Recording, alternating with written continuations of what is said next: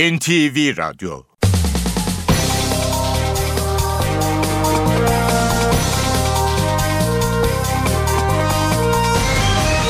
İşe Giderken Mutlu sabahlar. Ben Aynur Altunkaş. Bugün 7 Mayıs Çarşamba. İşe giderken de Türkiye ve dünya gündemine yakından bakacağız. 7.35'te Ayhan Aktaş spor haberlerini aktaracak. 8.35'te Emrah Kayalıoğlu işe giderken sporda bizimle olacak. Gündemin başlıklarıyla başlayalım. Van ve Elazığ'dan gelen kayıp çocuk haberleri korkuttu. Gece boyunca süren arama çalışmaları sonuç verdi ve çocuklardan biri 13 saat, diğeri de 16 saatlik arama çalışmasının ardından bulundu. Ankara 4. İdare Mahkemesi video paylaşım sitesi YouTube'a erişimin engellenmesine yönelik kararın yürütmesini durdurdu. İdare Mahkemesi'nin kararı henüz Telekomünikasyon İletişim Başkanlığı'na ulaşmadı. TİB'in karara itiraz hakkı var. Danıştay 6. Dairesi Taksim Yayalaştırma Projesi'ni iptal etti. Hakkari'de önceki günkü kazada şehit olan 3 askerin cenazesi törenle memleketlerine uğurlandı. Ziraat Türkiye Kupası bu akşam sahibini bulacak. Final maçında Eskişehir Spor'la Galatasaray Konya Atatürk Stadında karşı karşıya gelecek. İşe giderken gazetelerin gündemi.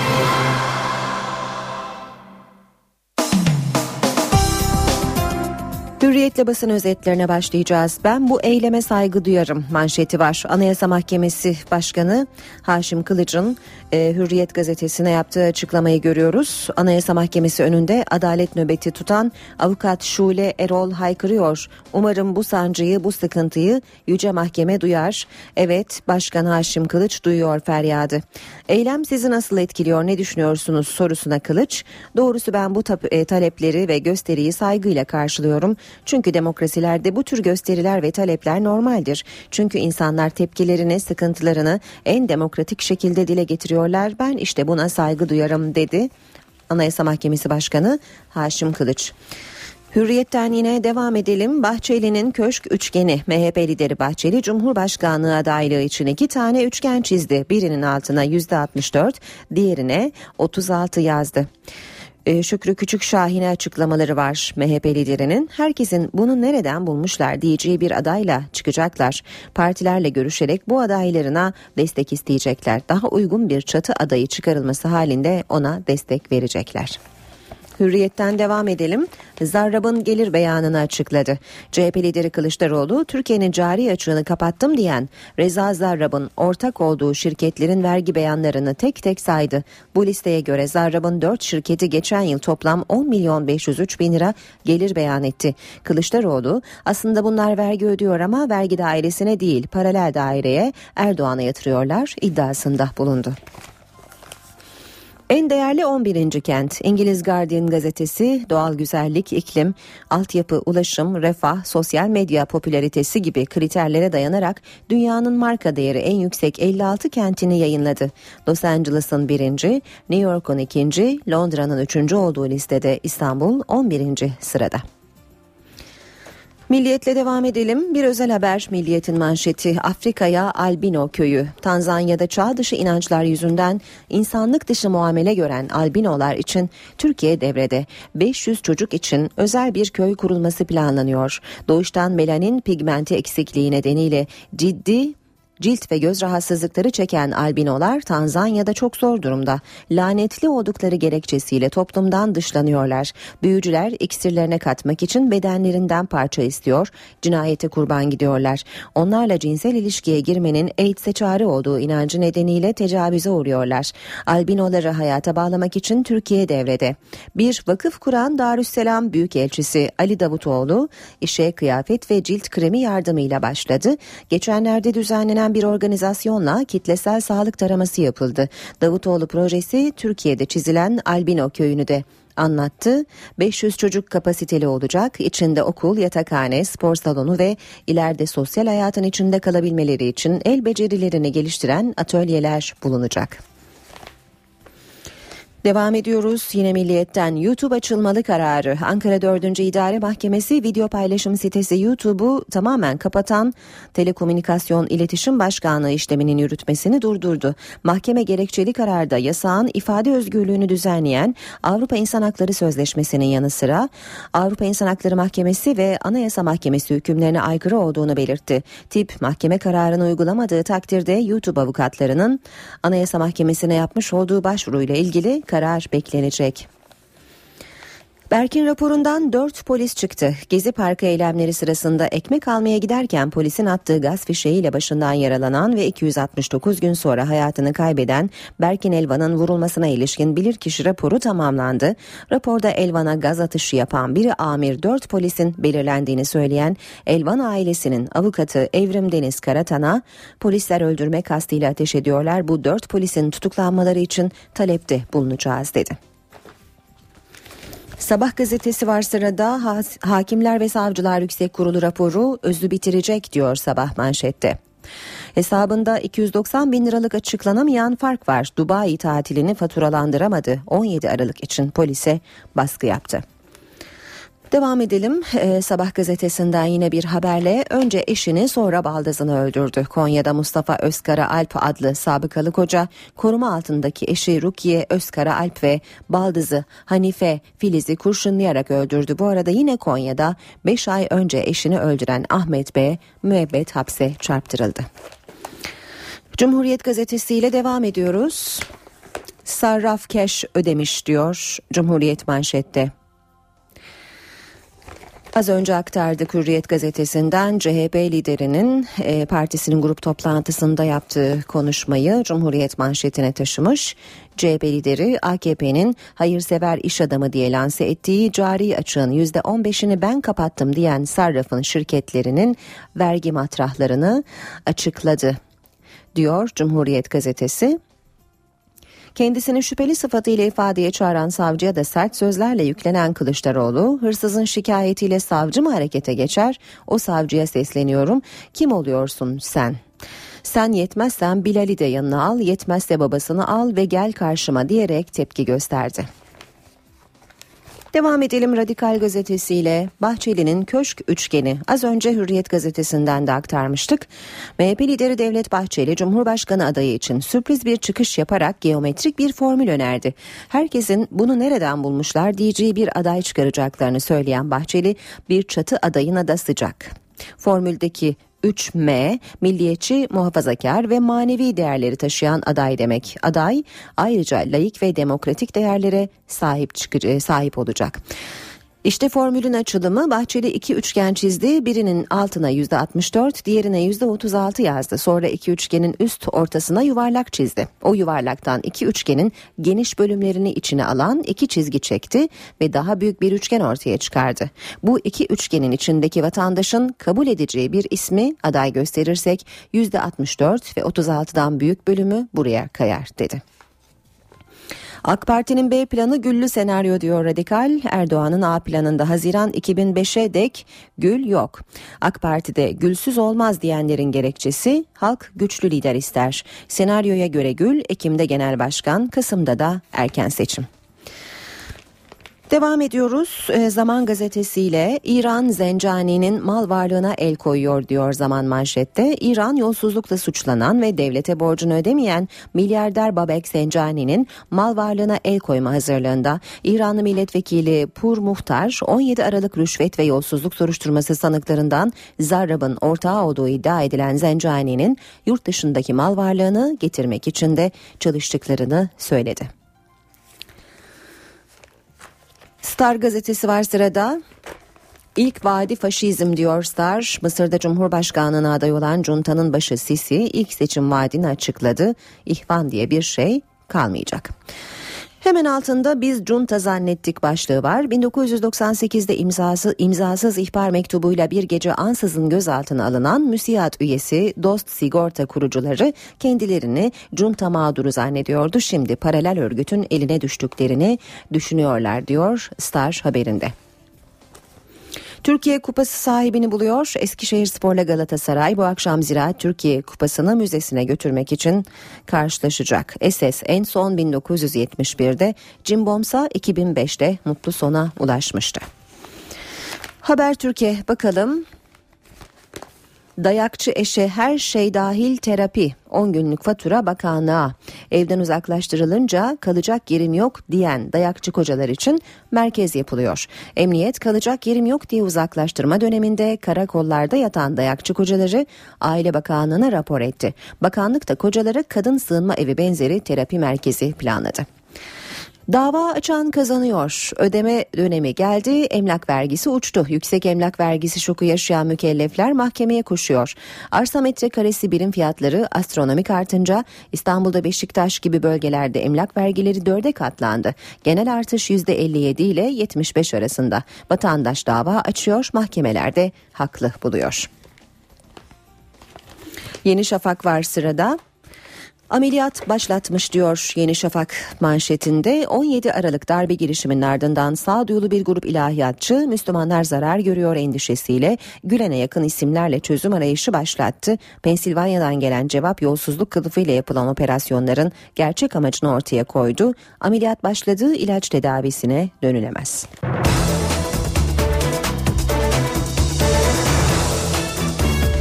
Gündemin ayrıntılarına bakmaya başlayalım işe giderken de saat 7.17. Van'da 3 yaşında Elazığ'da da 9 yaşındaki çocukların kaybolduğu haberleri yine korkuttu. Gece boyunca süren arama çalışmaları sonuç verdi. Çocuklardan biri 13 saat diğeri de 16 saat sonra bulundu ve ailelerine teslim edildi. Van'ın Tuşba ilçesinde ailesiyle akraba ziyaretine giden 3 yaşındaki Hiranur Çelik dün öğle saatlerinde evin yakınında oynarken kayboldu. Hiranur eve 500 metre uzaklıktaki Ankara'daki 5 katlı bir binanın çatı katında bulundu. Sağlık kontrolünden geçirilen çocuk ailesine teslim edildi. Elazığ'da da Abdullah Paşa mahallesinde dün sabah okula gitmek için evden çıkan 9 yaşındaki Kadir Yıldırım Dinç'ten bir daha haber alınamadı. Aramaların 16. saatinde polis çocuğu sokakta dolaşırken buldu. Çocuğun ödevini yapmadığı için okula gitmediği ve akşama kadar dışarıda olduğu öğrenildi. Ardarda gelen çocuk cinayeti ve cinsel istismar haberleri bu konuda nasıl daha etkili önlemler alınabilir sorusunu gündeme getirdi. Uzmanlar cezaları arttırmaktan çok toplumsal duyarlılığın önemine dikkat çekiyor. Küçük çocuğun yanında e, çocuğu rahatsız edecek şekilde hareket ettiğini gördüğü bir kişiye sen kimsin bu çocuğun nesi oluyorsun diyebildiğimiz gün yani toplum kendisi çocuklarına sahip çıktığı gün zaten bu mesele ancak o şekilde çözülür. Adli tıp uzmanı Sevil Atasoy çocuklara karşı uygulanabilecek şiddet ve istismarın önüne geçmek için en etkili yöntemi bu sözlerle açıkladı. Çocuklar yabancılara karşı her ne kadar uyarılsa da Sevil Atasoy saldırganların büyük bölümünün çocukların yakın çevresinden geldiğini belirtti. Kimi zaman çocukları bağırmaları, tekmeleri, ısırmaları karşı tarafı kurtarırsa da e, bu faillerin büyük bir bölümü yani yüzde yetmiş beş kadarı çocuğun gayet iyi tanıdığı birisidir. Yani yabancı birisi değil. Klinik psikolog Elif Aktağ Göçek'te özellikle öğretmenlere önemli görevler düştüğü görüşünde. Bunun bilgi, bildirilmesi gerektiğini onu da bilmiyoruz. Mesela öğretmenlerin birçoğu çocuğun vücudunda bir çürük, morluk gördüğü zaman bunu raporlaması gerektiğini bilmiyor. Göçek mağdurlara yönelik travma tedavisi için uzman kadrosunun genişletilmesi gerektiğini de ifade etti. Ülkemizde de bu konuda e, yetişmiş böyle her şehirde uzman kişilerimiz yok. Bir kere yani travma üzerine eğitimler açılması ve üniversitelerin alt birimleri olabilir. E, adli tıpın altında ciddi olarak yani üniversitelerin altındaki birimler e, özel eğitimcilerle alınmış uzun yıllar süren çalışmalar sonucunda uzman olabiliyorsunuz. NTV Radyo Video paylaşım sitesi YouTube'a erişim engeline ilişkin Ankara 4. İdare Mahkemesi kararını verdi ve siteye erişimin engellenmesine yönelik kararın yürütmesini durdurdu. Mahkeme, Anayasa Mahkemesi'nin Twitter kararını hatırlatarak tüm sitenin kapatılması ifade hürriyetinin özüne dokunmaktır dedi. Ankara 4. İdare Mahkemesi, YouTube'a erişimi engelleyen Telekomünikasyon İletişim Başkanlığı kararının yürütmesini durdurdu. Uzmanlar kararla birlikte 27 Mart'tan bu yana erişime kapalı olan YouTube'un yeniden erişime açılması gerektiği görüşünde. Ankara 4. İdare Mahkemesi YouTube avukatı Gönerç Gürkaynak'ın başvurusunu karara bağladı. Mahkeme YouTube erişimi engelleyen kararın yürütmesini durdururken 8 sayfalık gerekçe yazdı. İdare Mahkemesi tüm siteye erişimin engellenmesinin ölçüsüz bir uygulama olduğunu vurguladı. Engelin ifade hürriyetinin özüne dokunduğunu belirtti. Avrupa İnsan Hakları Mahkemesi ve Anayasa Mahkemesi'nin benzer kararlarına atıfta bulunan mahkeme, tüm sitenin erişime engellenmesinin hukuka aykırı olduğunu hükmetti. İdare Mahkemesi'nin kararı henüz Telekomünikasyon İletişim Başkanlığı'na ulaşmadı. TİB'in karara itiraz hakkı var. YouTube kaynakları ise kararla birlikte YouTube erişim yasağının sona ermesi gerektiği görüşünde. YouTube, Dışişleri Bakanlığı'ndaki gizli Suriye toplantısının kayıtlarının yayınlanması sonrasında erişime kapatılmıştı. Nisan ayı başında Gölbaşı Asiye Ceza Mahkemesi, Suç Ceza Mahkemesi tarafından verilen erişim engeli kararının yok hükmünde olduğuna karar vermişti. Ancak bu karar sonrasında da erişim engeli kaldırılmayınca YouTube yetkilileri Ankara 4. İdare Mahkemesi'ne başvurmuştu. Danıştay 6. Dairesi Taksim'in yayalaştırılması projesini oy çokluğuyla iptal etti. İstanbul Şehir Plancıları Odası'nın başvurusunu inceleyen Danıştay 6. Dairesi'nin kararı ikiye karşı 3 oyla aldığı öğrenildi. Ancak imzadan çıkmadığı için kararın henüz davacı tarafa tebliğ edilmediği belirtildi. Bu arada Taksim yayalaştırma projesinin büyük bir kısmı tamamlandı. Artık Taksim Meydanı'nda trafik yeni yapılan tünellerle sağlanıyor. Yine İstanbul'dan bir haber aktaralım. İstanbul Boğazı'na yürüme ve bisiklet yolu yapılacak. Proje çerçevesinde Emirgan sahil yolu genişleyecek. Otomobilleriyle gelen vatandaşlar için 116 araçlık park cepleri yapılacak. Park ceplerinin yanına ise bisiklet ve yürüyüş yolu planlandı. Projenin son etabının sağ deniz kenarı oluşturuyor. Balık tutanlar için platform yapılacak. Böylece sahil bandı yaklaşık 8 metre kazıklar üzerinde genişleyecek. Çalışmanın bu yıl sonuna kadar bitirilmesi planlanıyor planlanıyor. Ve siyasetin gündemi. Dün mecliste partilerin grup toplantıları günüydü. AK Parti ve MHP grubu toplanmadı. Sadece CHP ve HDP'nin grup toplantıları vardı. Önce CHP grubuna bakalım. Kılıçdaroğlu'nun hedefinde kendisini şüpheli sıfatıyla ifadeye çağıran savcı Mehmet Demir vardı. Beni çıkaracağını sanıyor. Benim ifademi alacakmış bu savcı bozuntusu.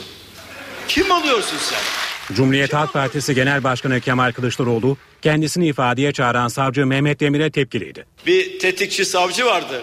Benimle ilgili çağırmış gelsin ifadesini alacağız diye.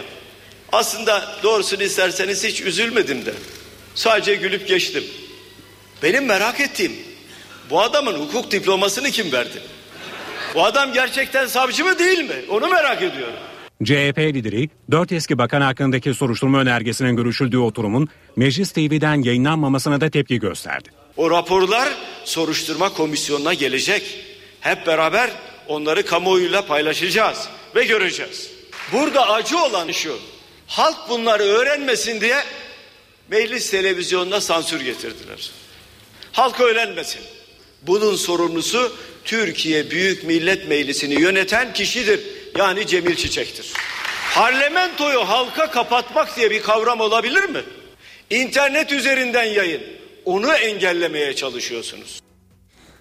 CHP lideri Kemal Kılıçdaroğlu'nun şüpheli sıfatıyla ifadeye çağıran İstanbul Cumhuriyet Savcılarından Mehmet Demir, hakkındaki soruşturma bitene kadar Edirne Savcılığına gönderildi. Hakimler ve Savcılar Yüksek Kurulu görevlendirmeyi Cumhuriyet Halk Partisi'nin şikayetini değerlendirdikten sonra yaptı. Savcı Demir atama kararından haberi olmadığını söyledi. Milliyetçi Hareket Partisi Genel Başkanı Devlet Bahçeli partisinin Cumhurbaşkanı adayıyla ilgili formülünü açıkladı. Bunu nereden bulmuşlar diyecekleri bir adayla ortaya çıkacaklarını belirten Bahçeli, daha uygun bir çatı adayı çıkarılması halinde ona da destek vereceklerini belirtti. Hürriyet gazetesine konuşan Bahçeli, hedeflerinin en büyük üçgeni oluşturacak çatı adayı çıkartmak olduğunu söyledi. Muhalefete de çağrı yapan Bahçeli, nazik bir dönem bunu tek defaya mahsus öneriyorum dedi. Seçimlere böyle bir adayla katılmak çalışmaları halinde AK Parti'nin kaybedeceğini belirten Bahçeli adayımız 10-15 güne belli olur ifadesini kullandı. Ve HDP grubuna bakalım. Halkların Demokratik Partisi eş başkanı Ertuğrul Kürkçü grup toplantısında kendi cumhurbaşkanı adaylarını çıkaracaklarını söyledi ve ittifak önerilerine kapıyı kapattı. HDP grubunun sürpriz konukları da vardı. Herkese diyoruz hodri meydan çıkartın adaylarınızı biz de geliyoruz göreceksiniz. HDP eş başkanı Ertuğrul Kürkçü'nün gündeminde Cumhurbaşkanlığı seçim süreci vardı. Kürkçü AK Parti ile CHP arasında sıkışıp kalmayacaklarını söyledi. Deniz Baykal'ın dün ortaya attığı Cumhuriyet Halk Partisi ile Milliyetçi Hareket Partisi ittifak yapsın Tayyip Erdoğan'ın karşısında çağrısı bize aslında iktidar mücadelesinin nasıl cereyan ettiğine dair çok net bir fikir veriyor. Bu saflaşmanın yanında bunun bir parçası olmayacağız. HDP grup toplantısının ilgi odağı 19 Mayıs'ta anneleri Mülkiye Demir Kılıç'la birlikte cezaevine girecek olan 5 aylık ikizler Lorin ve Özgür'dü. Anne ve babaları kürsüden yetkililere seslendi. O kadar bir absürt dosyaya bu çocuklarla girmek yani Türkiye için bence utanç verici. 6 aylık süt bebesi çocuklarımızı öpmeye kıyamıyoruz. 2 sene 1 ay cezaya herhangi bir çözüm bulunmuyor ve bu çocuklar 19 Mayıs'ta anneleriyle birlikte cezaevine girecekler. İkizlerden Özgür, babasının kucağında meclis koridorlarında gezerken CHP lideri Kemal Kılıçdaroğlu ile karşılaştılar. CHP lideri de Özgür'ü sevdi. Anayasa Mahkemesi Başkanı Haşim Kılıç, avukat Şule Nazlıoğlu Erol'un balyoz davası için Anayasa Mahkemesi önünde adalet nöbeti tutmasını saygıyla karşıladığını söyledi. Kılıç balyoz davası ile ilgili başvurunun kısa zamanda karara bağlanacağını belirtti. Hürriyet gazetesine konuşan Kılıç, insanlar tepkilerini, sıkıntılarını en demokratik şekilde dile getiriyorlar. Ben işte buna saygı duyarım dedi. Demokratik olgunluğun bu talepleri kabul etmeyi gerektirdiğinin altını çizen Kılıç, insanlar buraya gel gelse de gelmese de biz evrensel hukuk kuralları içerisinde hiçbir etki altında kalmadan karar veriyoruz şeklinde konuştu. Balyoz kararının ne zaman çıkacağı sorusunu da cevaplayan Kılıç ben elbette tek tek dosyalar üzerinde konuşamam ancak bu karar en kısa zamanda olabildiği en kısa zamanda verilecektir ifadelerini kullandı. Şimdiye kadar 17 bin başvurunun 7 bininin karara bağlandığının altını çizen Kılıç demek ki daha hızlı olmamız gerekiyor. İnsanlar haklı olarak bunu talep ediyor ediyor dedi. Cumhurbaşkanlığı seçim takvimi açıklandı. Adaylık başvuruları 29 Haziran 3 Temmuz tarihleri arasında yapılacak. Açıklamayı Yüksek Seçim Kurulu Başkanı Sadi Güven yaptı. Güven 30 Mart seçimlerinin kesin sonuçlarını da ilan etti. Seçimin başlangıç tarihi 29 Haziran 2014 Pazar günü olup aynı gün adaylık başvuruları da başlayacak ve bu başvurular 3 Temmuz 2014 Perşembe günü saat 17'ye kadar devam edecektir. Yüksek Seçim Kurulu Cumhurbaşkanlığı seçim takvimini belirledi. Adaylık başvuruları 29 Haziran 3 Temmuz tarihleri arasında yapılacak. Geçici aday listeleri 8 Temmuz'da ilan edilecek. Propaganda dönemi ise 11 Temmuz'da başlayacak. Türkiye 10 Ağustos'ta Cumhurbaşkanlığı için ilk kez sandık başına gidecek. İlk turda salt çoğunluk sağlanamazsa ikinci tur için tekrar seçim yapılacak. Yüksek Seçim Kurulu Başkanı Sadi Güven, 30 Mart yerel seçimlerinden 37 gün sonra kesin seçim sonuçlarını açıkladı. Bugün itibariyle mali idareler genel seçimi tamamlanmıştır. %89,43'lük rekor katılımın yaşandığı seçimlerde kesin sonuçlara göre belediye başkanlığı seçimlerinde AK Parti %43,13, CHP %26,45, MHP ise %17,76 oranında oy aldı. Büyükşehir Belediye Başkanlığı seçimlerinde ise AK Parti %45,54, CHP %31,04, MHP %13,65 oranında oy aldı. Seçimlere 131 ile en fazla itiraz AK Parti'den geldi. Seçimler için CHP 87, MHP ise 50 itirazda bulundu. Yapılan bu itirazlar sonucu Ağrı ve Iğdır'ın da aralarında bulunduğu 13 il, ilçe ve beldede seçimler iptal edildi.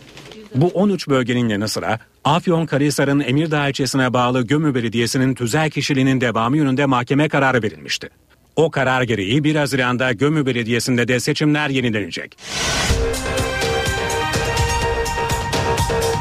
Van ve Elazığ'dan gelen kayıp çocuk haberleri korkuttu. Gece boyunca süren arama çalışmaları sonuç verdi ve çocuklardan biri 13 saat, diğeri de 16 saatlik arama çalışmasının ardından bulundu.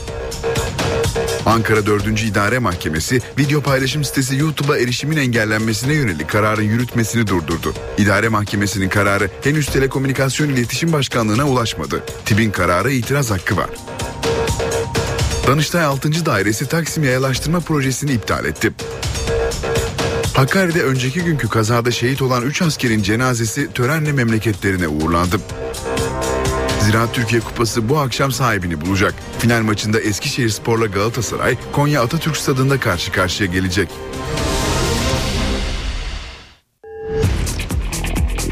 Spor haberleri başlıyor.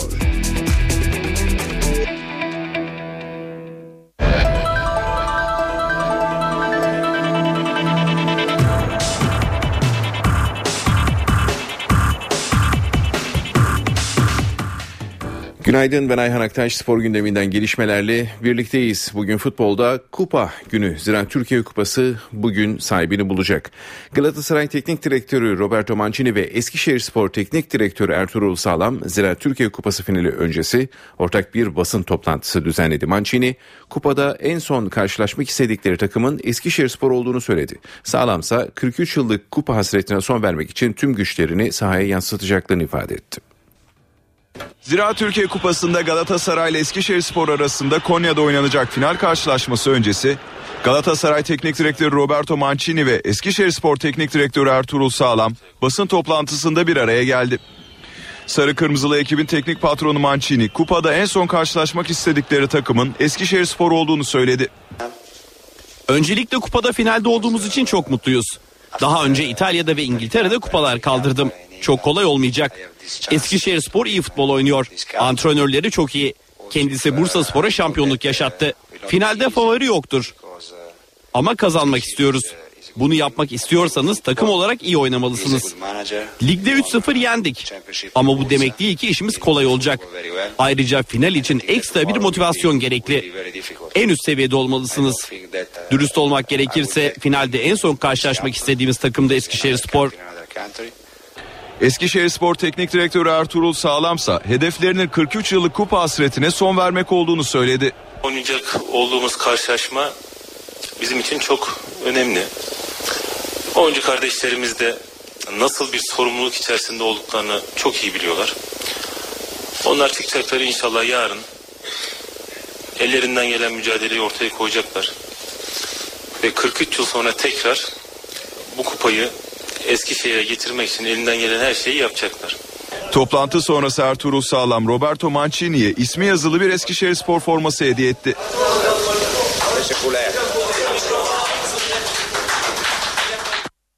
Galatasaray Türkiye Kupası finali için tam kadro Konya'da. Teknik direktör Roberto Mancini birlik ve beraberliği sağlamak adına 34 futbolcusunu da Eskişehir Spor maçı kafilesine dahil etti. Ziraat Türkiye Kupası final maçında Konya'da Eskişehir Spor'la karşı karşıya gelecek Galatasaray'da teknik direktör Roberto Mancini sürpriz bir karar aldı.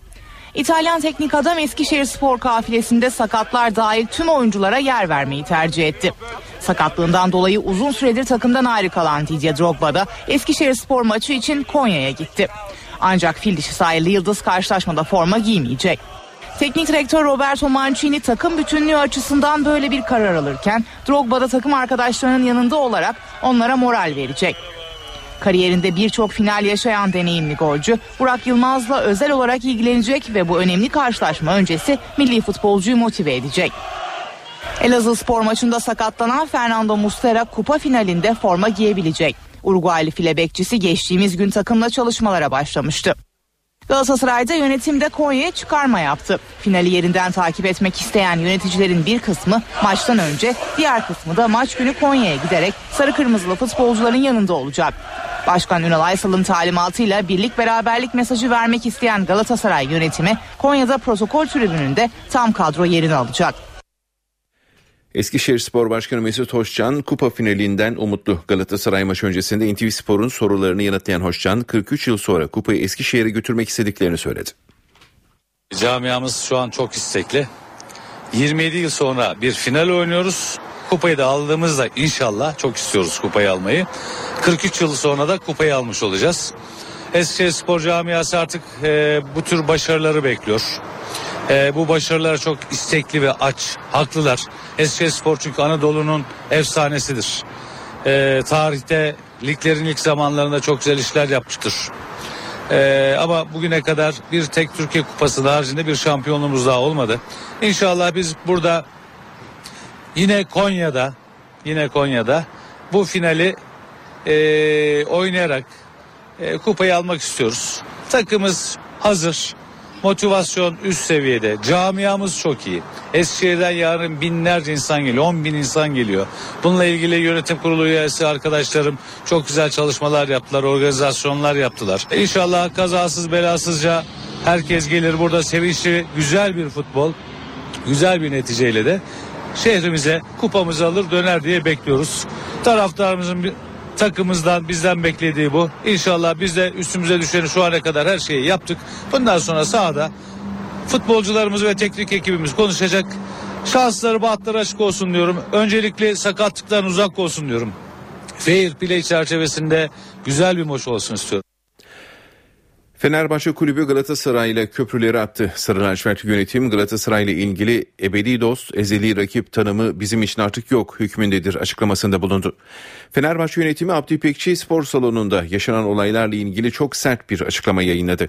Galatasaray yönetiminin Fenerbahçe nefretiyle hareket ettiği savunulan açıklamada son 3 yıldır göstermiş oldukları duruş ve attıkları her adımla ebedi dost kavramının içini boşaltan Galatasaray Kulübü bugün bulundukları noktada ezeli rakip tanımını da yok etmiş, kulübümüz ve camiamız için yok hükmüne gelmişlerdir ifadelerine yer verildi.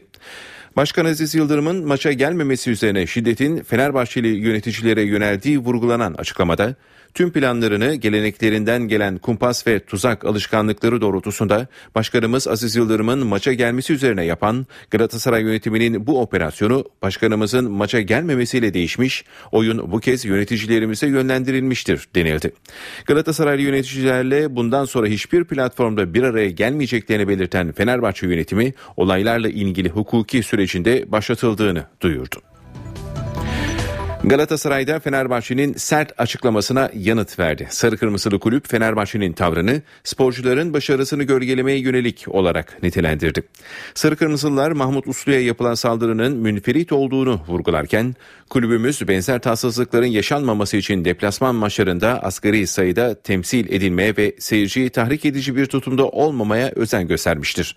Fenerbahçe yöneticisi Mahmut Uslu'nun geçmişte Galatasaray erkek basketbol takımımızın şimdiki koçu Ergin Ataman'a yönelik yumruklu saldırı girişimi hafızalardayken tasvip etmediğimiz bu olaydan sonra sergilediği üslupta art niyetin ifadesidir. Galatasaray Spor Kulübü olarak iddia edildiği gibi darp fiili olmasa da bu tür arzu edilmeyen olayların bir daha yaşanmaması için hepimizin gereken özeni göstermesinin önemini bir kez daha hatırlatıyoruz ifadelerini kullandı.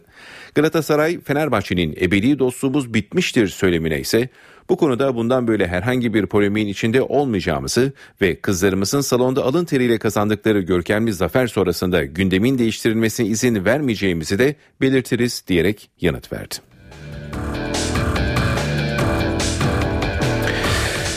Roberto Carlos Sivasspor'dan ayrılmayı düşünmüyor. Çok sayıda teklif aldığını ifade eden deneyimli teknik adam hedefinin kırmızı beyazlı takımda şampiyonluk yaşamak olduğunu söyledi. Teknik adamlık kariyerine bu sezon Sivas Spor'da başlayan Roberto Carlos kırmızı beyazlı kulüpte mutlu. Sivas Spor'la bir yıl daha sözleşmesi olan Brezilyalı teknik adam tekliflere karşın kalmak istiyor. Teknik direktörlüğümün ilk yılında böyle güzel bir sezon geçirmek mutluluk verici. Tabii iyi işler yaptığınızda teklifler alıyorsunuz. Yalan söyleyemem. Pek çok sayıda teklif geliyor. Dubai'den, Çin'den, İspanya'dan, Fransa'dan ve Brezilya'dan teklifler oldu. Biri milli takım, diğerleri kulüp. Ancak Sivas Spor'la bir yıl daha sözleşmem var. Kulübü ve şehri seviyorum. Yeni sezon öncesi transfer çalışmaları hakkında bilgi veren Carlos hedeflerini de anlattı. Olmaması gereken puan kayıpları yaptık. Bu maçları ve puanları kaybetmeseydik şu an ikinci olup Şampiyonlar Ligi'ne gidebilirdik. Kaliteli kadromuza iyi takviyeler yaparsak şampiyon olmamız gayet olası. Zaten ikincilik benim için yeterli değil. Buraya şampiyon olmak için geldim. Roberto Carlos yeni sezon öncesi 6-7 oyuncu transfer etmeyi planladıklarını sözlerine ekledi.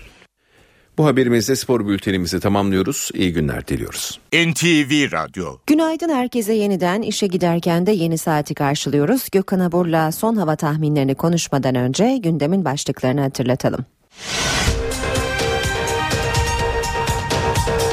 Van ve Elazığ'dan gelen kayıp çocuk haberleri korkuttu. Gece boyunca süren arama çalışmaları sonuç verdi ve çocuklardan biri 13 saat, diğeri de 16 saatlik arama çalışmasının ardından bulundu. Ankara 4. İdare Mahkemesi video paylaşım sitesi YouTube'a erişimin engellenmesine yönelik kararın yürütmesini durdurdu. İdare Mahkemesi'nin kararı henüz Telekomünikasyon İletişim Başkanlığı'na ulaşmadı. TİB'in kararı itiraz hakkı var. Danıştay 6. Dairesi Taksim Yayalaştırma Projesi'ni iptal etti. Hakkari'de önceki günkü kazada şehit olan 3 askerin cenazesi törenle memleketlerine uğurlandı. Ziraat Türkiye Kupası bu akşam sahibini bulacak. Final maçında Eskişehir Spor'la Galatasaray Konya Atatürk Stadı'nda karşı karşıya gelecek. Gökhan Abur yanımızda. Günaydın, hoş geldiniz. Günaydın. Ee, batıda yağmurlar ara verdi ama doğuda özellikle Karadeniz'de devam ediyor. Risk oluşturan bölgeler var mı?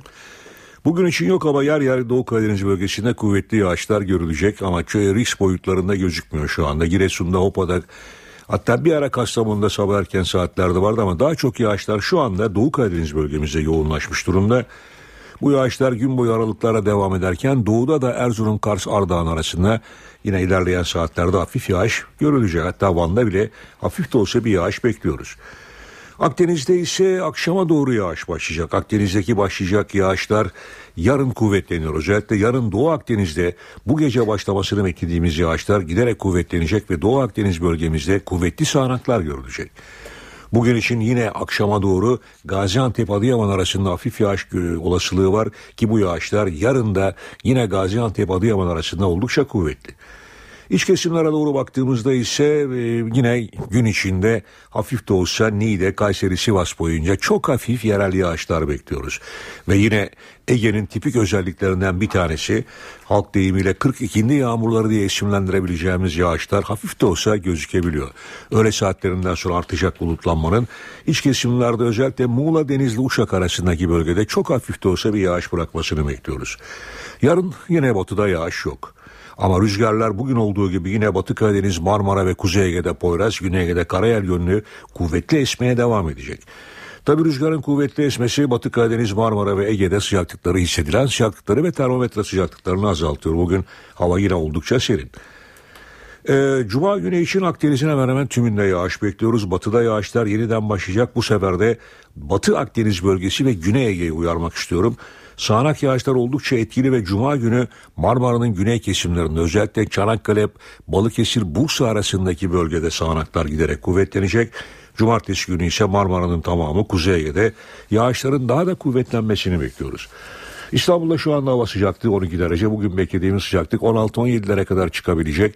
Parçalı bulutlu bir hava var ama rüzgar şu anda 17 kilometre hızla esiyor Poyraz. Öğle saatlerinde hızını biraz daha artıracak o bakımdan. Hissedilen sıcaklıklar bugün 13-14 dereceler civarında olacak. İstanbul'da bugün ve yarın yağış beklemiyoruz fakat cuma ve cumartesi günü yağış var. Pazar günü sıcaklık birkaç derece yükselecek gibi gözükse de güneyli rüzgarlarla bu kez Lodos'un taşıyacağı nem pazar gecesinden itibaren İstanbul'da yeniden yağışı başlatabilecek. Ankara'da şu anda hava genellikle parçalı bulutlu. 9 derecelik bir sıcaklık var. Orada da Poyraz sert esmeye devam ediyor. Ankara'da da sıcaklıklar çok yüksek değerlerde değil. Rüzgar öğle saatlerinde sert eseceği için Ankara'da bugün beklediğimiz sıcaklık 17 derece civarında olacak. İzmir'de ise şu anda hava açık. Sıcaklık 14 dereceyi buldu. Karayel yönlü rüzgar 28 kilometre hızla esmeye devam ederken gün içinde hızını biraz daha arttıracak o bakımdan gündüz sıcaklığı rüzgara rağmen 24 derece olacak. Gece sıcaklığı ise İzmir'de 14 derece. Evet bizleri bekleyen hava koşulları genelde böyle. Gökhan Abur teşekkürler. İşe giderken de gündemin ayrıntılarına bakmaya devam ediyoruz. Yüksek Seçim Kurulu Cumhurbaşkanlığı seçimi takvimini belirledi. Adaylık başvurusu için son gün 3 Temmuz. Yüksek Seçim Kurulu Başkanı Sadi Güven, Cumhurbaşkanlığı seçiminin başlangıç tarihinin 29 Haziran olduğunu, adaylık başvurularının da aynı gün başlayacağını duyurdu. Adaylık başvurularının 3 Temmuz saat 17'ye kadar devam edeceğini kaydeden Güven, Cumhurbaşkanı geçici aday listeleri 8 Temmuz, kesin aday listeleri 11 Temmuz'da resmi resmi gazetede yayınlanacak. Listelerin yayımlanmasıyla propaganda dönemi başlayacak dedi. Milli Milliyetçi Hareket Partisi Genel Başkanı Devlet Bahçeli, partisinin Cumhurbaşkanı adayı ile ilgili formülünü açıkladı. Bunu nereden bulmuşlar diyecekleri bir adayla ortaya çıkacaklarını belirten Bahçeli, daha uygun bir çatı adayı çıkarılması halinde ona da destek vereceklerini belirtti. Hürriyet gazetesine konuşan Bahçeli, hedeflerinin en büyük üçgeni oluşturacak çatı adayı çıkartmak olduğunu söyledi. Muhalefete de çağrı yapan Bahçeli, nazik bir dönem bunu tek defaya mahsus öneriyorum dedi. Seçimlere böyle bir adayla katılmaları halinde AK Parti'nin kaybedeceğini belirten Bahçeli, adayımız 10-15 güne kadar belli olur ifadesini kullandı. Gezi olayları sırasında polisin attığı gaz fişeğiyle başından vurularak hayatını kaybeden 15 yaşındaki Berkin Elvan'la ilgili soruşturmaya dair yeni bilgiler var. Elvan ailesinin avukatları Berkin'i ölüme götüren fişeği ateşlemiş olabilecek iki polisi tespit ettiklerini iddia etti. Savcılığa sunulan bilirkişi raporuna göre o sırada sokakta Çevik Kuvvet Şube Müdürlüğü'ne bağlı 5. birlik görev yapıyordu.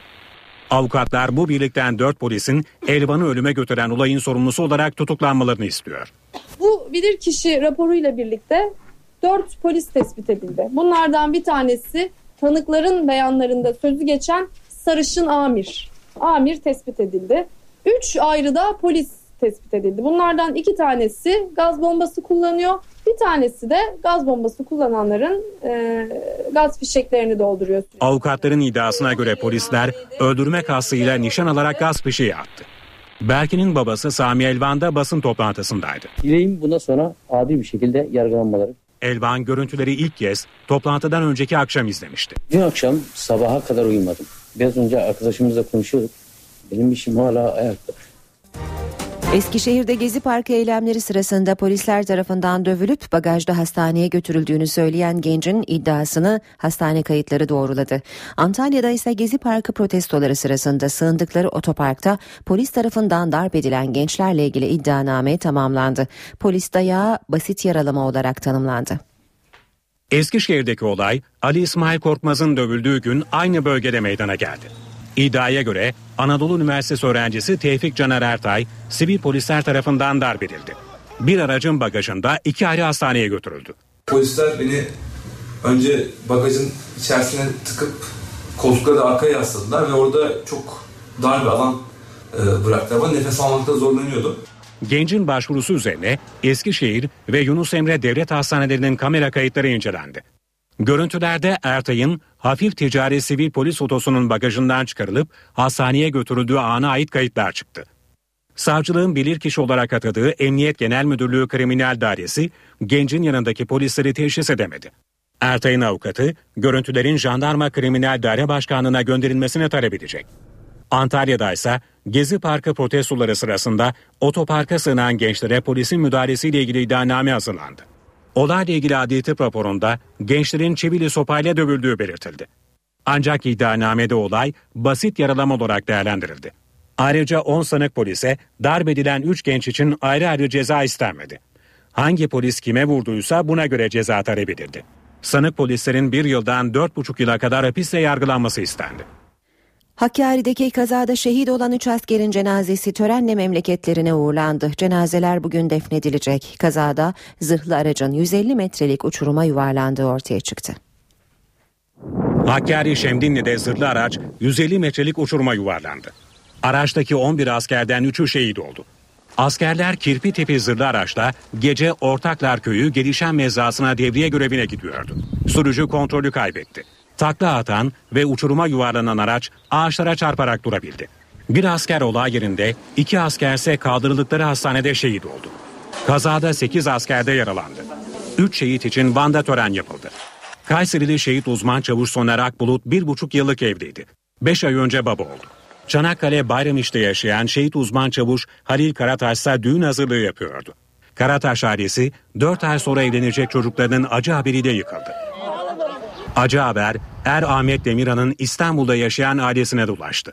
Şehidin cenazesi toprağa verilmek üzere Çorum'a gönderildi.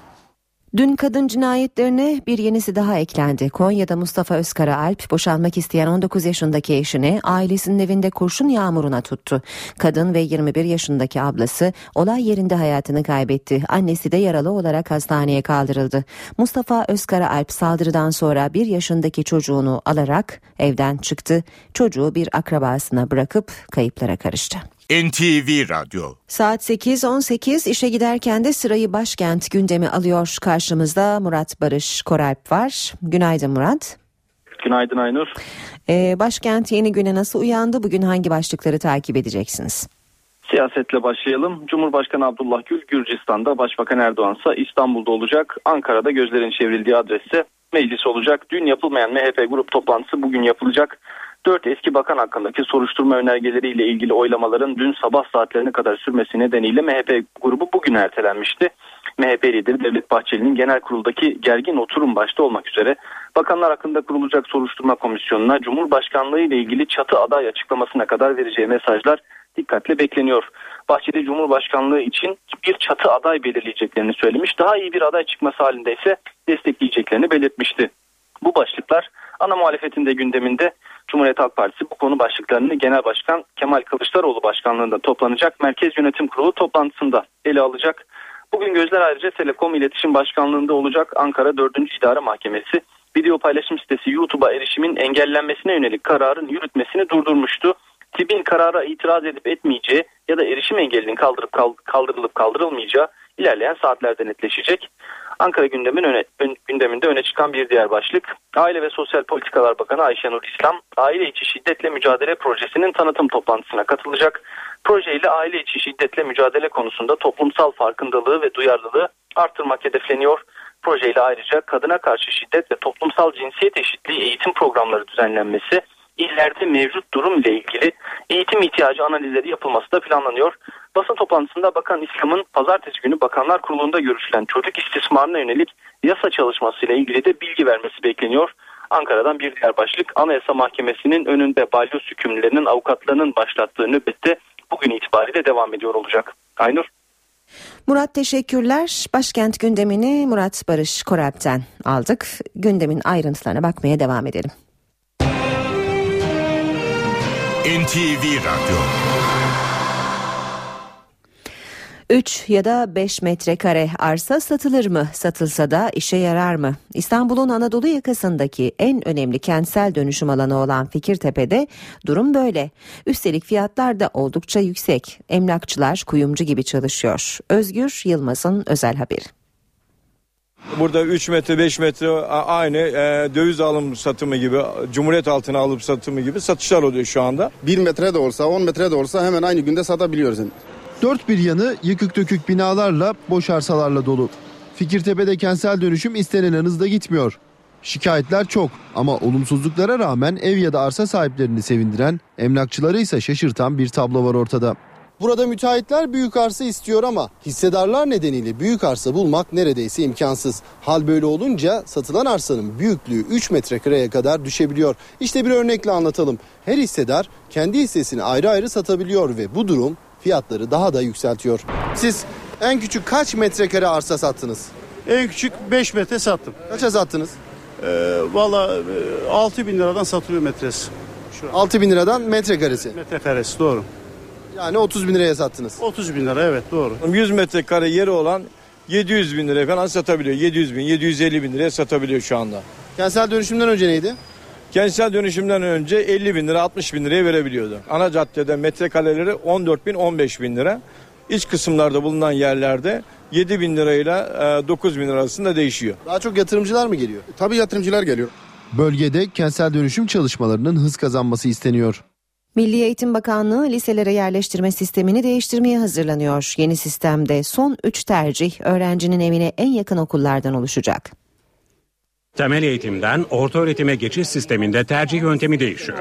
Milli Eğitim Bakanlığı çalışmaya başladı. Seçeneklerden biri tercih sayısını 20'ye çıkarmak ve Anadolu Meslek ve çok programlı Anadolu Lisesi sayısını arttırmak. 17 tane tercih yapabiliyor olmak demek bu okullarda yer alan boş kontenjanları doldurmaya yönelik bir çalışma aslında. 17 okul arasında bir kontenjan boşluğu doldurmak daha kolay olacak. Son 3 tercih ise öğrencinin evine en yakın okullardan oluşacak. Bu da bazı soru işaretleri oluşturuyor. Kalan 3 tercih yani o mahallesindeki liseyi seçmek, mahalledeki liselere yani kalan düz liselere taban puanı vermek dediği şeyde yani okul türü olarak sanıyorum ki İmam Hatip Lisesi kalıyor. Bu da e, dediğim gibi çalışmalar tamamlandığında ortaya çıkacak ama tüm okulları Anadolu Lisesi'ne çevirmek ki İmam Hatip Liselerinde Anadolu İmam Hatip olan bölümleri var. E, bunlar bir yandan devam ederken bir yandan da İmam Hatip Lisesi adı altında kalacak gibi görünüyor. Veliler ve öğrenciler endişeli. Endişem ve eleştirim sistemin bu kadar çok değişken olması. Yani biz birisine daha adapte olamadan diğerine geçmesi olmadı, kontenjan daraldı, açıkta kaldı. O zaman ne yapacağız? Sonucu iyi olmayan velilerimizin ne yapacağı önemli. Benim oturduğum yerde mesela Anadolu Lisesi dışında hiçbir okul yok. Sonuçta tercih edecek pek bir yerde kalmıyor. Hatta hiç kalmıyor. O zaman lisesiz kalınacak diye bir şey olamaz yani. NTV Radyo Ve bir sağlık haberiyle devam edeceğiz. Yaz kapıda. Havalar ısınınca dondurma zamanı da gelmiş olacak. Peki ama dondurmalar ne kadar sağlıklı? Uzmanların dondurma uyarılarını getireceğiz şimdi mikrofona. NTV muhabiri Deniz Tüysüz'ün özel haberi. Yenilebilir buzlu ürünlere göre üret, e, üretilen dondurma benzeri ürünler aslında e, kısmen süt içerebiliyor ya da hiç hiç süt içermeden dondurma üretilip ve dondurma şeklinde satılabiliyor. Yaz ayları geldi. Bunaltıcı sıcaklar kapıda. Sıcakların ilacı ise dondurma. Uzmanlar uyardı. Sütten yapılan dondurma sağlıklı koşullarda üretilirse faydalı. Ancak dondurma alırken buzlu ürünlere dikkat. Eğer dondurma içerisinde küçük buz parçacıkları ya da kristalleşme gibi bir şey e, görüldüyse bunu tercih etmemeli çünkü e, gıda e, zehirlenmesinden olacak bir e, durum. Katkı maddelerinin kullanılması yasal ancak bunların belli oranda e, kullanılması gerekiyor. Mesela bir limonlu dondurma cezbedecek şekilde çok sarıysa bunu tercih etmemesi gerekiyor. Dondurmanın üretim aşaması ve denetim çok önemli. Dondurma imal ederken kullandığımız süte, içerisine konulan maddelere dikkat ediyoruz en taze meyveleri, en kaliteli çikolatayı, en düzgün sütü kullanmaya çalışıyoruz. Günlük olması lazım en önemlisi. Katkı maddesi çok olmaması lazım. Bizim çocukluğumuzda dondurma sadece kaymaktı. Pek açık dondurma almıyorum. Çünkü ne kadar sağlıklı e, yapıldığından, nasıl bir ürün kullandıklarından, nasıl korunduğundan haberim olmadığı için daha çok paket üzerine yani belirli isimler benim için önemli. Ve sırada Ayşe teyze ne yapsın köşesi var. Profesör Doktor Güngör Uras bize bugün mutluluktan bahsedecek. Ayşe teyze ne yapsın? Güngör Uras, Ayşe teyze ekonomide olan biteni anlatıyor. Merhaba sayın dinleyenler, merhaba Ayşe teyze, merhaba Ali Rıza Bey amca. Batı ülkelerinde son 50 yıldır halkın yaşam memnuniyetini ölçmek için anketler yapılıyor. Bizde de 2003 yılından bu yana Türkiye İstatistik Kurumu halkın yaşam memnuniyetini ölçüyor. Yaşam memnuniyetinin temel göstergesi mutluluk oluyor. Bugüne kadar hane halkının mutluluğu ile ilgili bilgiler ülke genelinde toplanırdı. Bu yıl ilk defa olarak iller itibariyle mutluluk ölçümü yapıldı. Ülke genelinde 2003 yılında halkın %59'u mutluydu. Mutluluk oranı 2009 yılında %54'e kadar indi. 2011 yılında %62'ye çıktı. Sonra gene 61 oldu. Sonra da %59'a indi. 2003 yılında hane halkının sadece %7'si mutsuzum diyordu. 2012 yılında mutsuzluk oranı %11'e yaklaştı. Mutluluk göreceli bir değer yargısıdır. İnsanın yaşadığı çevreye ve insanın bekleyişlerine göre değişir. Mutluluk insana göre değişir ama mutluluğun temelinde insanın temel ihtiyaçlarının karşılanması vardır. Bu da iş ve paraya bağlıdır. Daha sonra fiziksel çevre, sosyal çevre, yaşam şartları öne çıkar. Yol, su, elektrik, hastane, ulaşım, polis, adliye, can ve mal emniyeti, eğitim, maddi ve sosyal eşitlik, hürriyetler, bilim, sanat gibi birçok etken mutluluk için devreye girer. Ülkemizde mutlu yaşam memnuniyeti yahut da yaşam memnuniyeti genelde sorulurken kültür, sanat, tiyatro, opera, resim, din ve fikir hürriyeti gibi konulara girilmiyor. Maddi yaşam koşullarıyla kamu hizmetlerinden yararlanmaya dönük sorgulamalar yapılıyor. Son mutluluk araştırmasında hane halkının iş sahibi olmasının veya işini sevmesinin payı sadece yüzde iki olarak belirlendi. Paranın önemi ise sadece yüzde dört oranında. İnsanların sağlıklı olmasının ağırlığı yüzde 68, sevginin ağırlığı yüzde 15 oranında. Yüzde 68 sağlık. Bunun üstüne ekleyiniz yüzde 15 sevgiyi eder yüzde 83. Demek ki insanın mutluluğunda sağlık ve sevgi var ise bu durumda hane halkının mutlu olmamasının imkanı yok. İş sahibi olmak para önemsenmiyor gibi. İlk defa olarak illerin de mutluluk durumları belirlendi. En mutlu il Sinop, sonra Afyonkarahisar ve Bayburt geliyor. Geliniz görünüz ki Kalkınma Bakanlığı'nın yaptığı illerin sosyoekonomik gelişme sıralamasında Sinop 51. sırada, Afyonkarahisar 43. sırada, Bayburt 64. sırada. Demek ki yaşanan ilin sosyoekonomik şartlarının yetersiz olması insanların mutluluğunu fazla etkilemiyor. İnsanlar sosyoekonomik şartlar kötü olsa bile mutlu olabiliyor. Bir başka söyleşi de birlikte olmak ümidiyle şen ve esen kalınız sayın dinleyenler. Uras'a sormak istediklerinizi ntvradio.ntv.com.tr adresine yazabilirsiniz.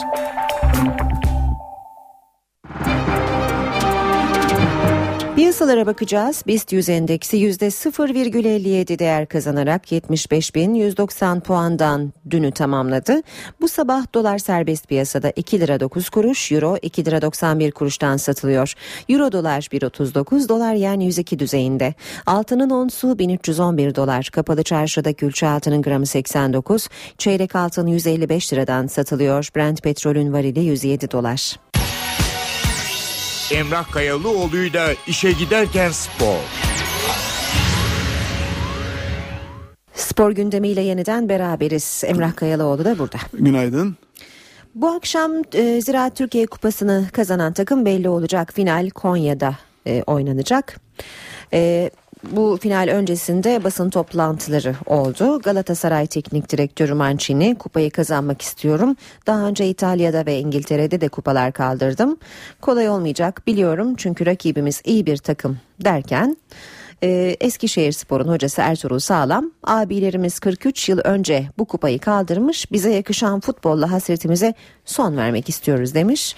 E, bu arada Ertuğrul Sağlam'ın Gençler Birliği'ni yenerek bize Avrupa'nın yolunu açtılar Galatasaray'a teşekkür ederiz sözünün de herhalde altını çizip üstünde durmak lazım. Ya orada ya medyaya o şekilde yansımış. Yani bu, bu, bu, bu kadar alınmış basın toplantısından. Orada Ertuğrul Hoca e, Gençler Birliği'ni yenerek Trabzonspor'a yani başka bir takıma geçirme ihtimalleri ortadan kalktı. Hı hı. Şampiyonlar Ligi'ne gitmeyi garantiledi Galatasaray.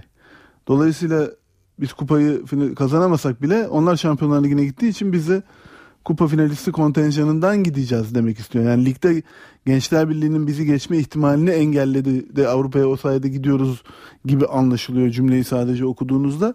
Ee, ama basın toplantısında söylediği cümlenin tamamını aç, e, aldığınızda orada Trabzon'a geçilmeyi e, geçilme ihtimalini ortadan kaldırdılar. E, Şampiyonlar Ligi'ne gitmeyi garantilediler en kötü ön elemesini. E, dolayısıyla biz de kupa finalisti olarak gitmeyi garantiledik. O yüzden teşekkür ediyoruz diyor. Basın toplantısında ilginç bir cümle de Mancini'den geldi aslında. En son karşılaşmak istediğim takımla oynuyoruz gibi bir ifade kullandı. Ee, yani evet kadro olarak e, Eskişehir e, o, o yarı final bacağındaki Antalya Spor'dan daha kuvvetli bir takım. Zaten Hı hı. Antalya Spor küme düşüyor. Ee, ama düştü hatta. Ee, ama şunu da unutmayalım. Galatasaray bu sene Antalya Spor'la lig artı kupa 4 maç yaptı. Hiçbirini kazanamadı. Evet.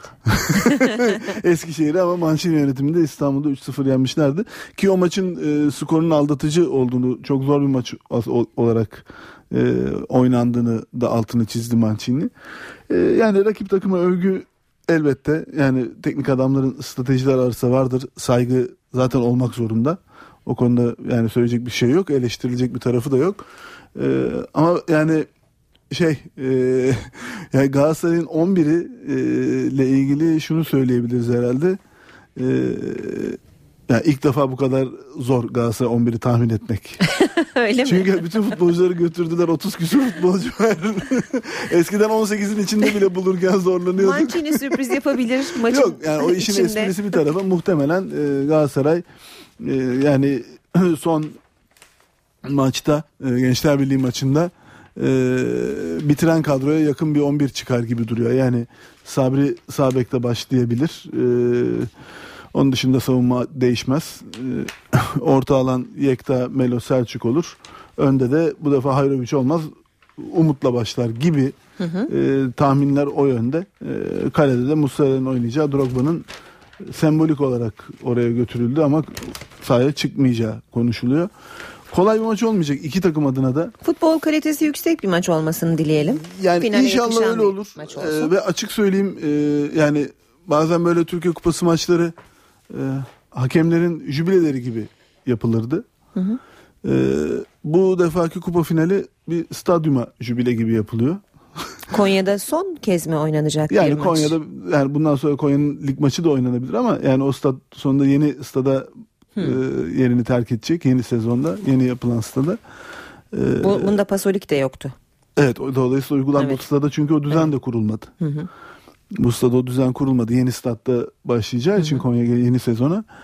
Ee, yani baktığımda ben şey diyorum ya yani keşke e, tamam emektar statlarındandır Türkiye'nin belki bir 50'lerden kalma bir stadyum. Ee, özellikle velodromu yıllarca insanların hafızalarında yer etmiştir bisiklet parkuru.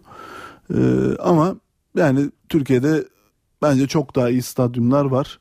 Yani 21 bin küsur kişilik bir stadyumda Türkiye Kupası finali oynatmaktansa e, iki takımın da kabulleneceği daha büyük bir stat bulunabilir miydi diye düşünüyorum. E, hani alternatif ne derseniz kolay değil alternatif söyleyebilmek gerçekten. Çünkü Eskişehir tarafı hep ulaşım tarafına ön plana çıkardı lokasyonun Evet. belirlenmesinde.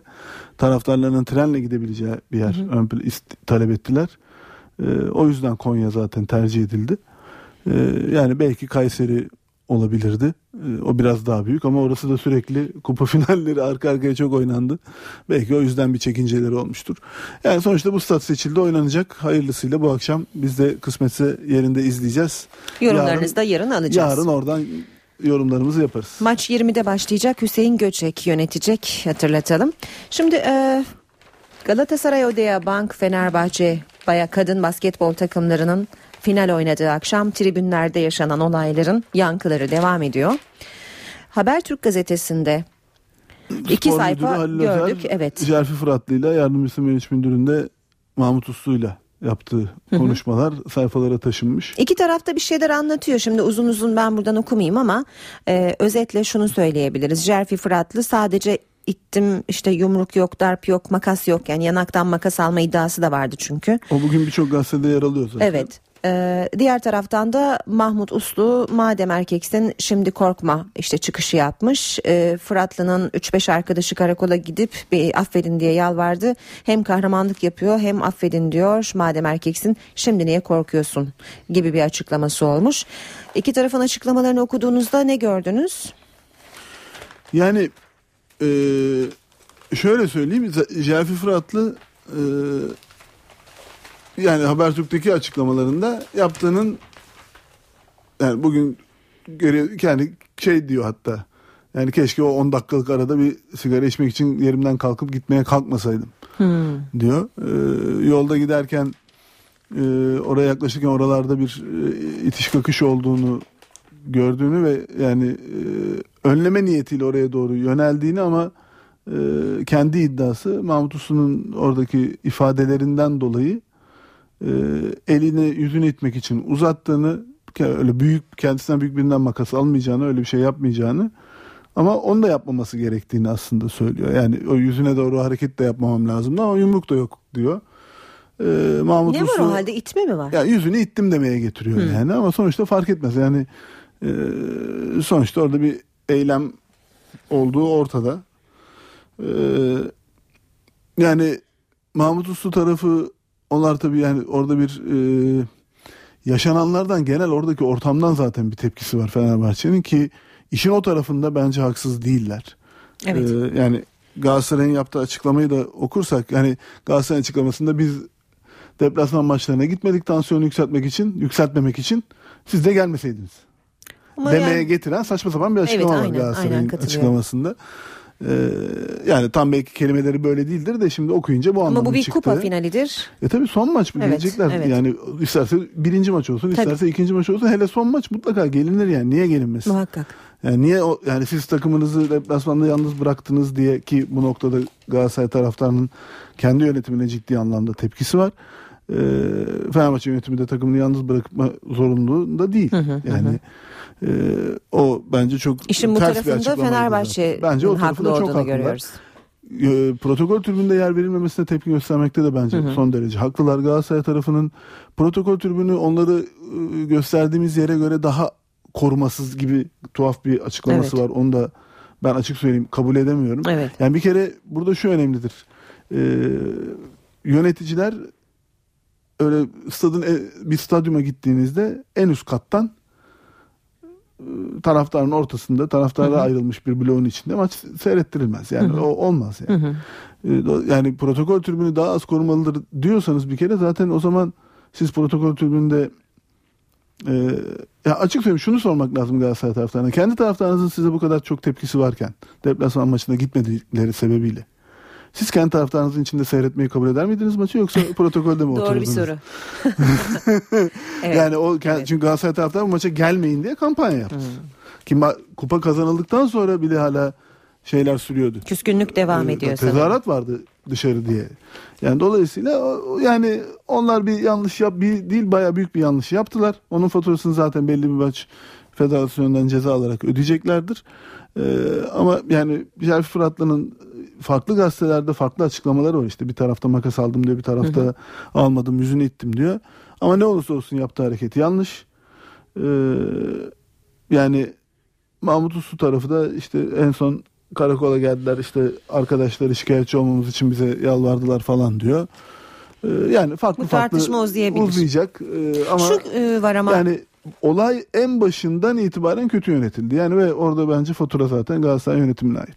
Yani misafir takımın yönetimini protokol tribününe almamak bütün olacaklara zaten çanak tutmaktır. ate- Ondan sonrası ateşlemek gibi olmuş. yani belki siz protokol tribünün etrafına iki sıra polis koyarsınız oraya zaten kimse müdahale etmez. Bir de protokol tribünün giriş çıkışı da daha e, ya orada asıl problem zaten giriş çıkışta yaşandı.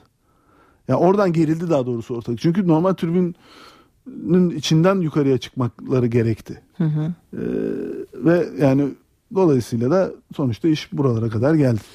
Euroleague finalinden sonra iki takı, iki kulüp arasında bir dostluk havası başlamıştı ama o zaman da O- o hani konuşmuştuk amatör- bunun bir o, ge- o e, yemek gelip olmaz demiştim ben zaten hatırlarsanız. Hani bütün amatör şubelerin katılacağı bir yemeğe Evet, dönüştü sonra. evet. Sonra sezon sonuna bırakıldı. Olmayacak ben de belli zaten ki. olmayacağını söylemiştik o zaman da. Artık garanti olmaz yani. Garanti. Mümkün değil yani. Peki, Mümkün değil yani. Çok az vaktimiz kaldı. Ee, Bugün 10.35'teki yayınımızda olamayacak. Siz yolda olacaksınız. Bir ceza muamması var. Ee, Finansal fair play nedeniyle Galatasaray'a 200 bin lira ceza gelecek. 200 bin euro. özür dilerim. Ee, Ceza geldiği haberi vardı. UEFA yalanladı ama e, başka takımlara da e, Çok ya milyon ağırları da eurolar konuşuluyor. Evet. konuşuluyor. Yani şöyle özetleyelim olayı. UEFA e, özellikle İngiliz gazetelerinde Manchester City ve, ve İngiliz ve Fransız gazetelerinde Paris Saint Germain hakkında çıkan haberleri de kapsayarak e, hiçbir iddiayı doğrulamadı ve e, 9 Mayıs Cuma günü bu konuda açıklama yapılabileceğini ihtimal olarak Evet. e, duyurdu. E, yani Galatasaray'ın 200 bin euro alır almazını bilmiyorum ama e, yani İngiltere'nin en önde gelen gazeteleri, Fransa'nın işte yani dünya çapındaki spor gazetesi Evet. ekip. e, bunlar birkaç gündür Manchester City ve Paris Saint Germain'e 60 milyon euro gibi bir maddi yaptırım. Onun dışında e, UEFA'ya bildirilecek Avrupa Kupaları kadrolarında 25 kişi yerine 21 kişiye indirilmesi e, ve e, NBA'deki salary cap yani e, toplam bir maaş bütçesi gibi bir kısıtlama e, yaptırımları geleceğini konuşuyorlar. Üstelik o 21 kişilik kadronun içinde e, 4 artı 4 kulüpte yetişmiş ve federasyonda yetişmiş yani 8 e, kısıtlamasının 8 futbolcu kısıtlamasının da gözetileceğini yani bu sayıları tutturamadığınızda o kadronun belki de 17-18'lere kadar inebileceğinden bahsediliyor. E, buradaki olay şu e, UEFA'nın bu yaptırımları kulüplere dikte etmeye çalıştığı kulüplerin de bunlara itiraz etmeme sözünü vermesini istediği Aksi takdirde e, doğrudan kurulun vereceği cezanın belki de daha ağır olabileceği yönünde bir e, medya üzerinden böyle bir haberleşme gerçekleşiyor Ha, şu yani anda. bunlar şimdilik söz konusu ama daha da artabilir Daha mi? da artabilir. Buna, bunları kabul edin ve itiraz etmeyeceğinizi onaylayın. Hmm. Bunları açıklayalım gibi bir e, pazarlık sürüyor şu Razı anda. olun demek istiyorlar Razı olun buna diye. E, yani özellikle Manchester City ve Paris Saint Germain tarafına gerçekten çok ağır yaptırımlar. Ki bana sorarsanız ben Paris Saint Germain tarafını sürpriz olarak değerlendiriyorum. Çünkü e, o noktada en büyük eleştiri UEFA'ya Platini'nin oğlunun Paris Saint Germain kulübünde görevli olması sebebiyle onların hep kayrıldığı bugüne kadar. Evet. E, ve o kayırmanın devam edeceği yönünde şeyler vardı. E, bakalım göreceğiz. Yani Evet. 9 Mayıs Cuma. 9 Mayıs'tır E, Cuma son açıklanacak Öyle bir tarih. UEFA o tarihte büyük ihtimalle açıklayacaklarını duyurdu yaptırımları. O gün göreceğiz bakalım ne olacağını. Peki e, programımız bitiyor. Dediğimiz gibi siz Konya'daki final maçını izleyeceğiniz için bugün Evet, 10.35'te 10.30 olamayacağız. yapamayacağız ama yarın Konya'dan telefonla e, konuşuruz. 8.35'i de konuşuruz işe giderkeni. 10.30'u, 10.30 haber evet. özetlerinden sonra da konuşuruz. Peki. Yarın görüşmek üzere o zaman. Hoşçakalın. NTV Radyo